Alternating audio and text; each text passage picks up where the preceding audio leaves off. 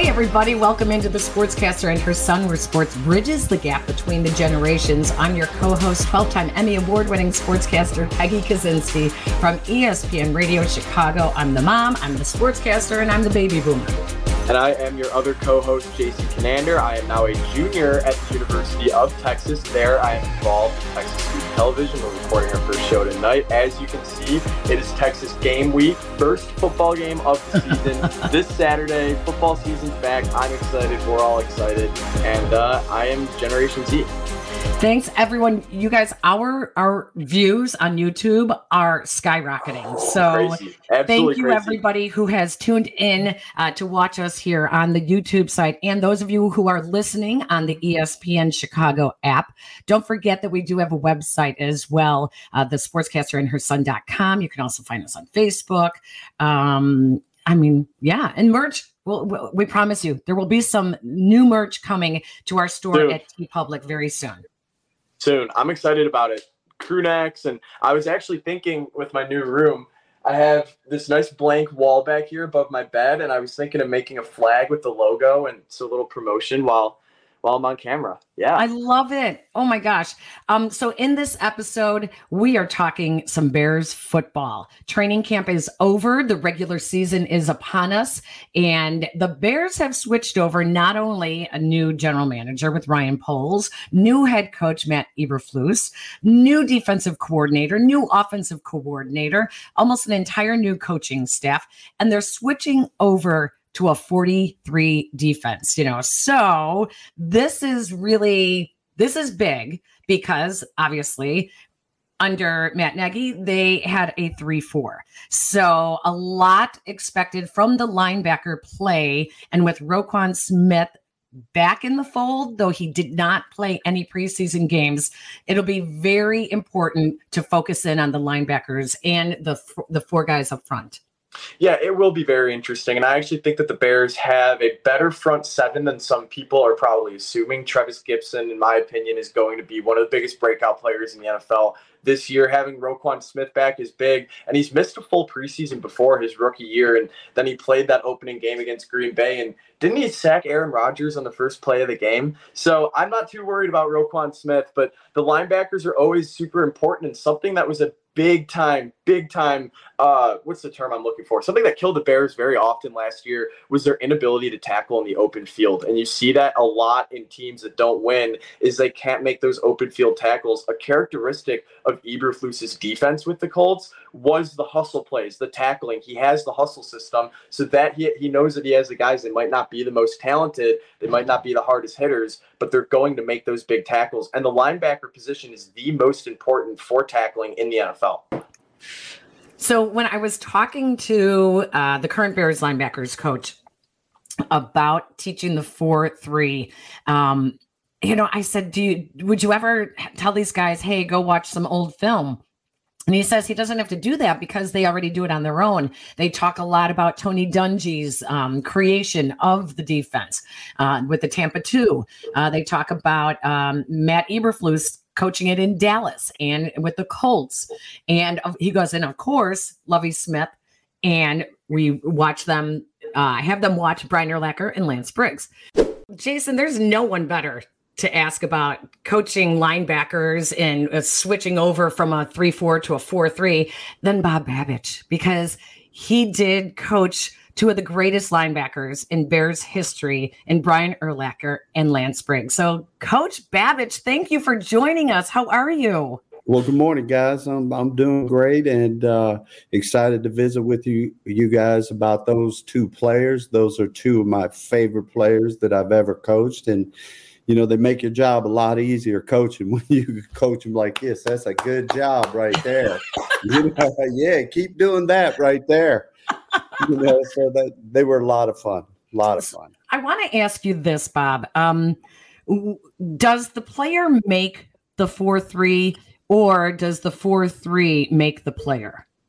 Well, I, I think that, you know, once you determine which type of scheme you're going to use defensively, you have to, there's a profile for each of the linebackers. So, 4 3 linebackers have a different profile than the three four linebackers. So the four three linebackers are more. They're in space a lot more. They're a lot more. Um, I don't want to say necessarily athletic, but they have to be able to play in space, and they they're put in position to make a lot more plays. We're in a three four. The middle linebackers, the outside linebackers are a lot of times rushers. So they just they rush the quarterback a lot and they drop occasionally, and that's not their forte. But the inside linebackers are more thumpers and bigger type guys that can play in space in the middle a little bit, but they're not put out there removed from the core or anything like that. So I think the scheme dictates more what type of player you're looking for. So in Chicago, Roquan Smith, weak side linebacker, has played a, a 3-4 since college at Georgia. He, we haven't seen him yet in any action, but all eyes are on him to see how he does converting it to a 4-3.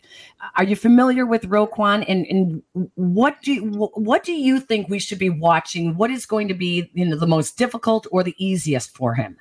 Well, uh, I studied Roquan. When he came out, I studied him hard. Uh, loved him. Uh, I think he's a fit for the system that Coach Eberflus is going to. I definitely think he's a fit for that. I think he's a player that can play in space. I think it's just going to be for him just getting uh, accustomed to the different alignments and the different spaces that he he's going to be as opposed to the three four and uh, but he'll pick it up quick and and he's going to be put in uh, position to make plays and he is a playmaker. So um, I think it's going to be a great transition for him. I, I don't know him now, but from what I know from the past when I studied him when he was coming out of college, uh, he definitely you know fits the system, and I think he's a great player. And you know, looking forward to watching him in Coach Eberflus's um, system. How important is it to have a player like Roquan Smith on a roster like the Bears? You mentioned that the type of defense that you play kind of depends on the players that you have. Roster like the Bears, they don't have as many of these high end defensive players. So, how important is a guy like Roquan in the middle, big tackling linebacker? How important is he on a team like the Bears this season? Well, he, he's going to be an important part of what they're doing because he's one of their stars. And you know, for you to win games, as you know, Brian and Lance were both stars. We were fortunate to have too. Those guys, when we were winning games, they were making big plays, not just tackles and stuff like that. I think it's important that um, as a star that you make flash plays and you know picks cause fumbles tackles for losses sacks those type things and and there's no doubt in my mind that he has the ability to do that so, what sets a player like Roquan Smith apart from a player like Lance Briggs or Brian Urlacher? Similar, similarly successful players, similarly able type of players, but Lance Briggs and Brian Urlacher were able to put together, turn it into wins on the field. So, what sets those players apart from each other? Well, you know, once again, not knowing Roquan personally, but I think he has the same, you know, uh, uh, skill set that is similar to those guys um, Brian and Lance, they were just, they were so instinctive and had such skills. Like Lance was a running back in college. So when he got an interception, you know, he took off and he ran with the ball. Brian returned punts in college. So when he was playing middle linebacker and they threw his his hands were they're the best hands that I've ever been around. Lance's were great too, but Brian's hands were like a wide receivers. And you know, most linebackers, do you watch if you watch football, you know, from this point on, watch linebackers, they drop picks. Now they all say they could catch. If you ask them, they'll be like, Oh yeah, I could catch. I'll say, Well, how many picks you got? Well, you know, two. And I'd say, Well, you know, but um so I think that you know his ability to make splash plays is going to help them a lot. You know, and I'm not familiar with the rest of their personnel on the team or the rest of their linebacking core, but um, you know, am familiar with him, and and I think he has a, a skill set that will allow. He's made uh, splash plays since he's been there, hasn't he? Oh yeah, yeah, yeah, oh, yeah. He, absolutely. He, yeah, he he's a. Um, I think he's he's going to love the system. I mean, Bob, you bring system. up a really good point, though. Um, how does the middle linebacker and the weak side linebacker in this system how do they work off of each other? I know brian was dropped back into space a lot. He he dropped back in coverage. And and lance we used to always say lance you you got the sloppy seconds there. You got to pick up everything that, that brian pushed your way. How does the middle linebacker and the weak side linebacker in the 4-3 work off of each other? Now um what what does Roquan play? Is he outside he's, linebacker? He's weak side. Okay, he's Yeah. Lance Briggs. Okay. Yes, he's Lance Briggs. and and you know, and, and I think Coach Eberflus is going to be very similar to uh, the coverages that we had when we were playing there. I mentioned to you, Peggy, to Coach Eberflus when he was at Missouri used to come in and visit us. And then he was with Rod down in Dallas, and then he ran the system in Indianapolis. So I think the system, the actual coverage is going to be very similar. So for, in the cover two system, the Mike linebacker, which is Brian, hmm he ran, he played deep a lot. Okay. He played deep a lot. And he was like, um, we called it deep middle run through. Lance, which is Roquan, he he played the underneath coverages. And what the main thing with them is that you set up on the quarterback. If you watch them, you set up on the quarterback, and when the quarterback's looking one way, you cheat that way. When his hand comes off the ball, you break and all that. And a big part of this system, believe it or not, is the D line. The D line has to make the ball come out Right. because if I if the quarterback sets up and I'm cheating, and then there's no pressure and I'm cheating this way, and then all of a sudden he throws it back there, that it doesn't work. Then he needs once he sets up and looks, he should never be further. He should never be able to come back further than the middle of the field. Mm. So that that's a big part of it. It's all, and then when they throw it, you know, it's all about your eyes. It's not so much in man coverage. Your eyes are 100% on your receiver, so you don't see the quarterback. In match coverages, which are you know in between what the uh, the Bears are going to do and what uh, teams do in match, you're like 60-40 on your receiver and quarterback. But in the uh, Bears defense, you're 100% on the quarterback and you just take a peek to see where you're going. So the quarterback has a lot to do with how you're going to play, and the D line has a lot to do with how the quarterback's going to play. So it's all tied in together. You remember we had Israel and Adewale and Yep. uh, Well, Tommie Harris, it, one of the best three techniques that uh, I remember. His instincts, w- w- he was like a cat in the middle. well, listen to you, Peggy, talking like three techniques and all that. type of stuff. I'll start giving you some calls. You could tell Coach Eberflus, hey, uh, when you were in this right here, why, why didn't you do this, this, and this? but that you know that that all ties in together. And then the corners were big with forcing everything inside and stuff like that. So it's you know it's a system that's very dear to my heart. It's one that I believe in and um, will always be a believer in it. And you know, it was very successful for us. So you said that Matt Eberflus, when you were at Missouri, um, he he would come to tell me this again. When Matt Eberflus, Well, when Matt was When Matt was at Missouri. believe- now I'm old, so I believe he was at Missouri at the time. you know, I just, you know, I forget some things now, but the University of Missouri staff, defensive staff, would come up and visit with us, and then we would talk to him about how we're running our defense. So I believe he was running it at the University of Missouri, and then he got into the uh, into the league with Rod. I believe. I believe Yes. Dallas was his first job. yes, So these things, so you know, that helped him get an acquaintance with Rod.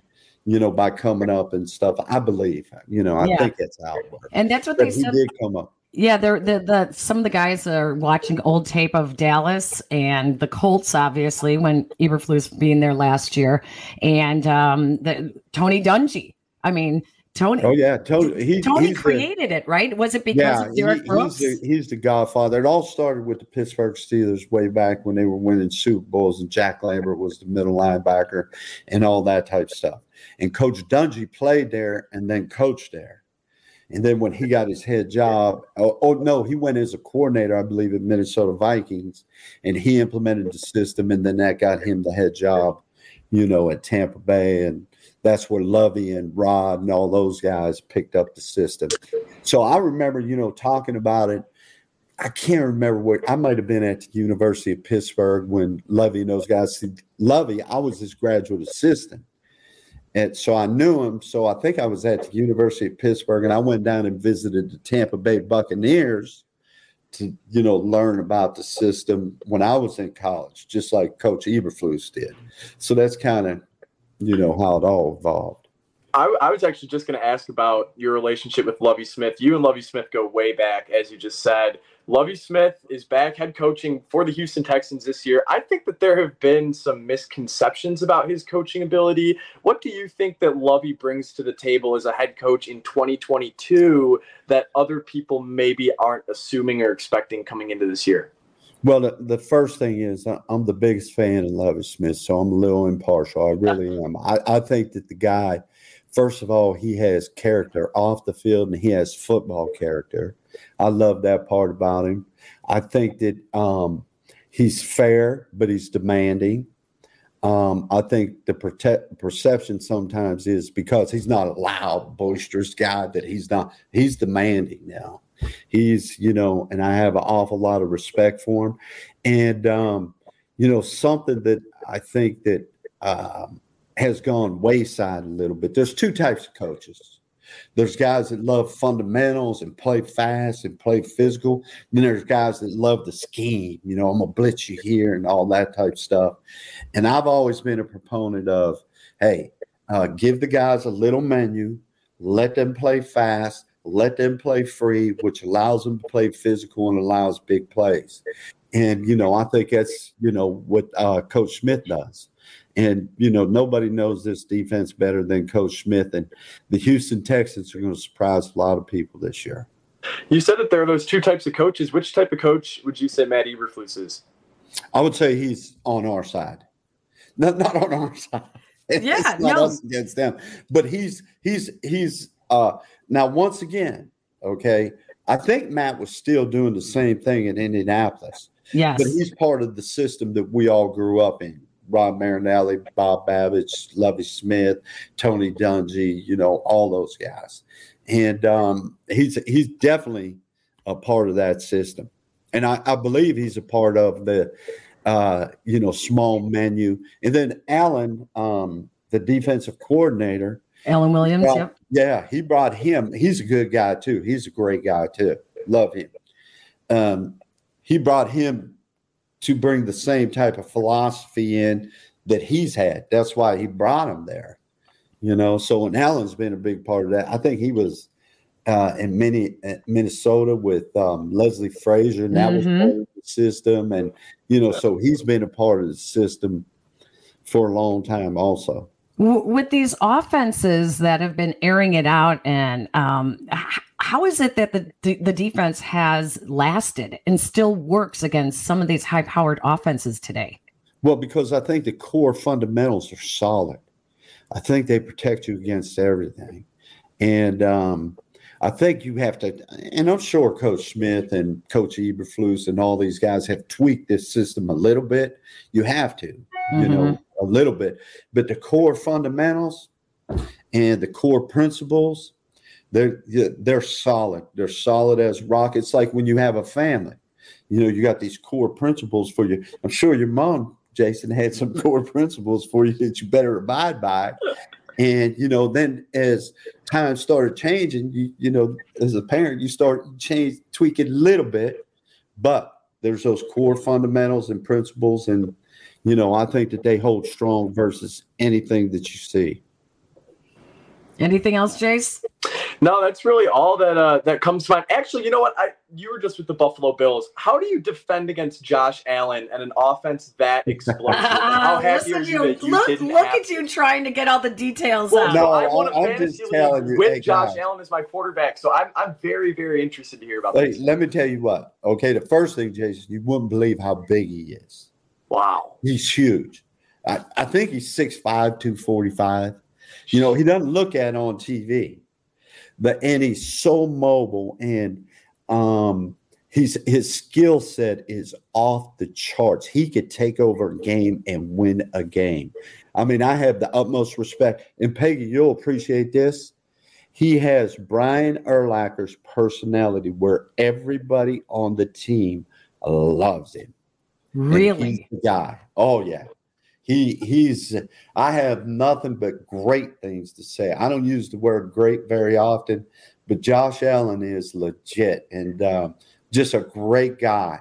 Big, strong, athletic. Did you see um uh he played, you know, my son coaches the linebackers there now. gonna say Bobby does. Yeah. Yeah, Bobby coaches. How about that, Peggy? I don't know if you ever met him, but he's coaching the linebackers now. So I watched the game, their last game. I can't remember who it was against. Once again, I'm old. But uh, Josh got in there the first series, just boom, boom, boom, and his touchdown. He kind of scrambled around a little bit, threw a dart 28 yards across the field, just bam, put it right there. And his arm strength is unbelievable. Like I think the first game he started was against Min- uh, Minnesota. We were up there, we were big underdogs, and he took off running, and they came to tackle him, and he jumped over the guy, landed on his feet, and kept running. And we, we ended up winning by a big score. And that's just, you know, and he's gotten better and better, and he's ultra competitive, super competitive, you know. So Well, he- I, I he's a gotta, really I gotta good- ask you um, two things now. Since uh, since you worked with your son, and I do a show with my son, uh, did you ever get to the point where you're just rolling your eyes, looking at him, and thinking, "How many times have I told you this?" Here's the bad thing with me, Peggy, is my son's a lot smarter than I am. so I can't. It's a bad thing with her too. Football wise, football wise, you know, it was hard to. He, he's really, I'm so proud of him, you know. And like I said, Cameron Turner, Ron Turner's son is my son in law, and that's where we are right now in Arizona. And Cameron's the pass game coordinator for the Arizona Cardinals and the quarterback coach Yeah.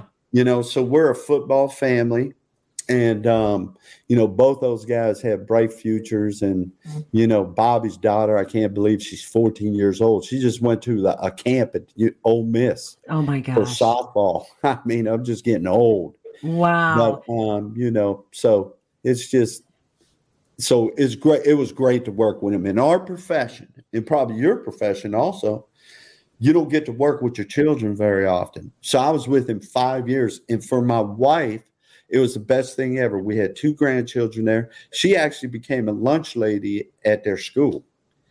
You know so it, it was just it was just the best thing you know. I love it. Before Yeah. we let you go, um, tell us your your favorite Brian Urlacher and Lance Briggs uh, team meeting behind the scenes. Some, I mean, they used to they used to really get you on some jokes, some some They- they- practical they, jokes. They are. They're the best. I mean, they were like my children. We were together nine years. How about that? wow. Nine years, every day in the meeting room. You know, they knew when I was having a bad day. I knew when they were having problems. You know, it, it was really a cool thing. Uh, a funny story with Lance is um, early in my career, I was a blurter. So on the sideline, I would yell stuff. And you shouldn't do that because the players, they should be out there playing free. So we were playing Green Bay. And I yelled, Hey, Lance, hey, Lance. And he turned around and they snapped the ball. And uh, he got smashed by the lineman because he was looking at me. So he came off, he was yelling, Bob, Bob, you can't do that. You got to quit blurting. I was like, okay, okay, I, I'm sorry. I won't do it anymore, you know? you know, and then uh, with Brian, you know, um, we were playing um, the Carolina Panthers. Okay, this I can't remember. It was like 2006, 2005, and we, there was this one defense where we all out blitzed. When a, when an offense gave us a certain formation, we would check that it's all out blitz, and it was really successful for us. And so I was on the sideline. I was like, "Hey, Lovie, um, I said they're doing this. We need to check to this. We can get it." He goes, "No, we ain't. We're not doing that because you know we're winning, and this quarterback can't beat us, and we ain't doing it." Timeout. Brian Urlacher comes up. Hey, Lovie, they're they're going four out of the court. Can we go to the blitz? Boom. He goes, "Oh yeah, go ahead." I looked at him. I was like. I just, this is what Lovie said. This is still lie. He goes, Bob, face of the franchise, Bob Babich. That's awesome. oh, Brian loved it. I was like, Lovie, you know, Brian was there the whole time. I was like, Lovie, I just told you that. He's like, no, no, no. It's good. Go ahead, Brian. that's oh, great. That's fantastic. There's so many stories. Those I dudes, know. They, we used to come in our meeting room. Those guys had so much fun. I'm talking about the team.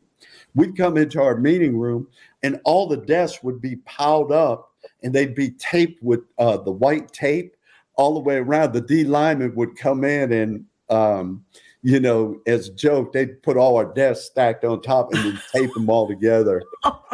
and they would get mad, you know. So oh. those, those, were good times. Yeah, they know. sure were. Well, we're we're hoping that the Chicago Bears uh, can get back to a defense like that, like the days that you were there, Bob hopefully Roquan Smith is as successful as Lance Briggs was as well. And we can't thank you enough for taking the time to join us on the show to to help us understand what we should be looking for with this defense and also to kind of reminisce about some of the great times. Yeah, that's some good times. But I'll tell you what, I do have the utmost respect for Coach Eberflus. Mm-hmm. He's great coach. I think he's going to do a great job, and you know I'm going to be pulling for him. Thank you, Bob. Great. Thank you. Oh my gosh. You know, that is the most Bob Babich has talked um, when he was linebackers coach. I mean, we would we we had access to him, but he was so loyal to those guys in that linebacking room that he would never reveal anything. Uh, it's great to hear him and really interesting too, just hearing about the comparisons of Roquan Smith and how he studied him back when Roquan was at Georgia, um, and and the potential that Roquan has in this defense. I think that's really good to hear you know, I'm also really glad that we talked about Lovie Smith and the parallels can be drawn between Eberflus bringing his own system and his own guys with him to Chicago, a lot like Lovie did, because I think what the Bears are looking to do is to recapture some of those glory days with Lovie Smith. That's the closest they've been to a Super Bowl in my lifetime. So I would hope that the Bears are looking to do the same thing. And it was so nice listening to fun stories about the defense, and it's such like such a polar opposite from everything that we just heard with the Nagy regime. So it like really makes you want the Bears to be good again. Ugh. I know, I know, it's awesome. All right, um, do you have any predictions this uh this time yeah. around here, Jason? Oh my gosh, I mean, this is like golden era for sports right now. We have the MLB season is coming to an end, which we're going to talk about in a minute here. We have college football starting, NFL starting. So I've got one prediction for each. First of all, Texas is back, maybe not so much. I'm going to talk about this on student television tonight as well. But my first prediction is I'm going to go on the record here and make my Texas football prediction. They're going to go nine and three in the regular season. They'll make the Big 12 championship, and I think that they will win the Big 12 championship, miss out on the playoffs, but 10 and 3 that's not too bad for a team that went 5 and 7 with a loss to kansas last year. So I, am pretty high on texas this year pretty high on texas every year though. Um, i'm allowed to be a little biased towards them on this show since it's a chicago sports show so i'll take what i will. My second prediction is for the nfl season. We just talked Josh Allen with Bob Babich, which was amazing to hear a defensive coach speak so highly of an offensive player. We always hear about how those two sides of the ball are usually at like at ends um, of the locker room, but to hear him praise Josh Allen like that was awesome. And I'm actually going to ride it and say that Josh Allen wins his first career MVP trophy this season. I'm high on the Buffalo Bills. They are my Super Bowl prediction this year. Josh Allen was awesome last year, best dual threat quarterback in the NFL, in my opinion. His offense didn't get any worse. Fun division in the AFC East. So Josh Allen MVP.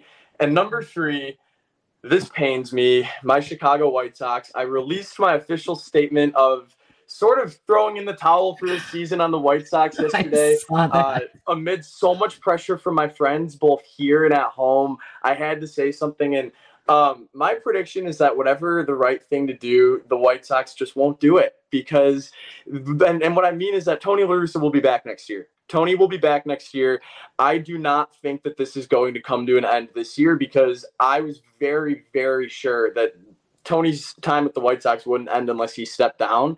And that was totally proven right this year because there were so many opportunities where you would think that he had very much deserved to be fired and they could have saved the season by firing him. But it was clear that he kind of has the final say in his status. So I can't see a guy with like Tony La Russa going out like this. Um, but I do think it only gets worse from here. So that's my third prediction is that uh, times are tough in the South Side, and yeah, it has stunk, but I don't think that the White Sox are going to do what literally everybody watching every game knows they should do. And it sucks because Tony La Russa is a great guy. I actually really enjoyed meeting him last year. Wow.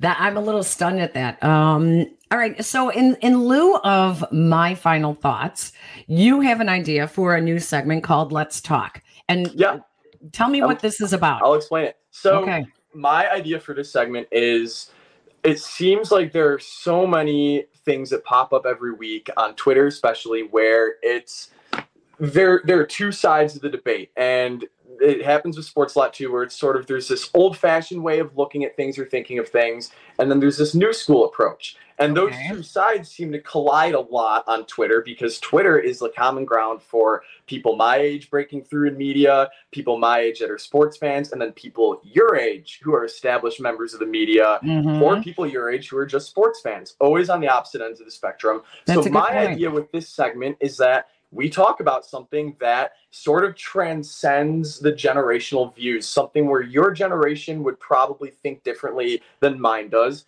And we talk about it and see if we can come to a common ground. So have at it. So my first my first topic that I want to talk about, and we're going to do one topic per show for this. Originally, I had an idea, but then something even bigger happened over the weekend. And by big, I mean a several foot flag saying sell the team at the White Sox game. It was behind home plate at one point, it was in right field at one point. This is something where I think 10 years ago, if this happened, it would have been like super headline news because that's a big no no flashing something like that on TV, flashing any statement on TV. But it didn't 10 years later 2022 it didn't really even catch that much steam. In chicago and the steam that it did catch was positive steam. People thought it was a good thing. People thought it was good publicity to sell the white sox. What do you think about that? About the flag itself being seen on tv on television I'm, I'm, I'm stunned. I'm i'm stunned by it because most leagues and teams will say it's our right to have you take down any offensive signs that you bring in. And quite typically, you would go out there and say, get the ushers, they got to take that sign down. And the That's fact what ended that up it, happening, by the way. Right. But then it sure took a while.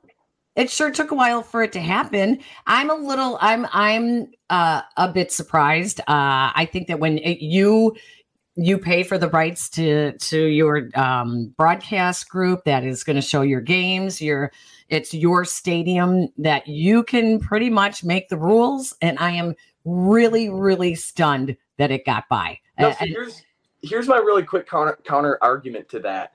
The other side of this is that's somebody who we all we know paid for at least one ticket, but maybe has been paying for tickets for games across the course of the season and is obviously displeased with the White Sox. There isn't any rule, to my knowledge, that you can't write something that about that obviously isn't vulgar or obscene, voicing your displeasure for the team. That's so sort of like what you said. Do you think the White Sox are making up their own rule on the spot? Do you think they reserve the right to do that? Because I didn't see any problem with the sell the team flag unless the people that th- that the flag's view was obstructing had a problem with it. Otherwise, I think that it's totally fine. Oh, I think that no, I think that the team has every right to say you have to take it down and that you cannot. Uh, we don't like what it says. I think it's that simple. I think it's that simple. Fair enough. All right, let's talk, about, talk about it. it. All right, good idea, Jason. I love it. Um, I think it's um, gonna stick. I like it too. Good. Nice episode. This was fun. It was great talking football, uh, bringing some optimism to the Chicago Bears because not a lot of national um, people are giving them too much optimism. Uh, I, I think that I think these coaches can coach. I think we've seen a huge jump in the preseason, and sure, it's not uh, you know starting lineups yet, but uh, I think that I think we're going to see some things that will make people happy this season. So I'm looking forward to it. I just I'm hoping to see more effort and energy out of this year's Bears, and that's what I think the new coaching staff is going to bring. That has been the most optimistic of everything I've been hearing from Eberflus has been how he really prioritizes hustling and and making those tackles, and that was everything that the Bears were lacking under Nagy. It was just dumb mistakes, the the things that the fans at home can correct. It, yep. drives me crazy. So hustle, intensity, takeaways, and smarts. That's hits. the hits principle. Yep. Uh, thank you, everyone who has followed us on our YouTube channel that is watching us right now. Uh, please don't forget to check out some of our past episodes. Uh, you can also find some past episodes audio wise on Apple Podcasts if you search ESPN Chicago Podcasts, because that is the home of our audio version of the show ESPN Chicago app.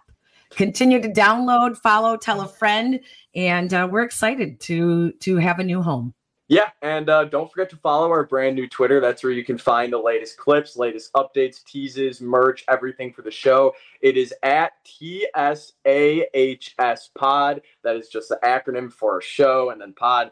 Uh, it's pretty cool starting to ramp it up a little bit more. So make sure that you follow it and uh, don't miss out on anything about our show. It's going to be a fun, fun, fun football season. Oh, I'm so excited. So glad that it's back. The White Sox have been disappointing me so much. Just need need like just need sports like positive sports though because it's been miserable the past few months our thanks to our guest bob babich who is retired nfl coach formerly of the bears the bills the chargers the where else? Rams. Rams. Rams. The Rams. Okay. Smith, yeah. Yeah. Oh, yeah. That's right. With Lovie Smith. Um, thank you to Bob Babich for joining us, and thank you to our producer Jake Cantu at ESPN Chicago. And Jason, we'll talk maybe next week. And thank everyone else for uh, joining us. Yeah. Thanks y'all for joining us. Follow me on Twitter. Follow my mom on Twitter. Follow our show on Twitter. And we're looking forward to the fall. Glad to have y'all with us. Until next time, everyone. So long.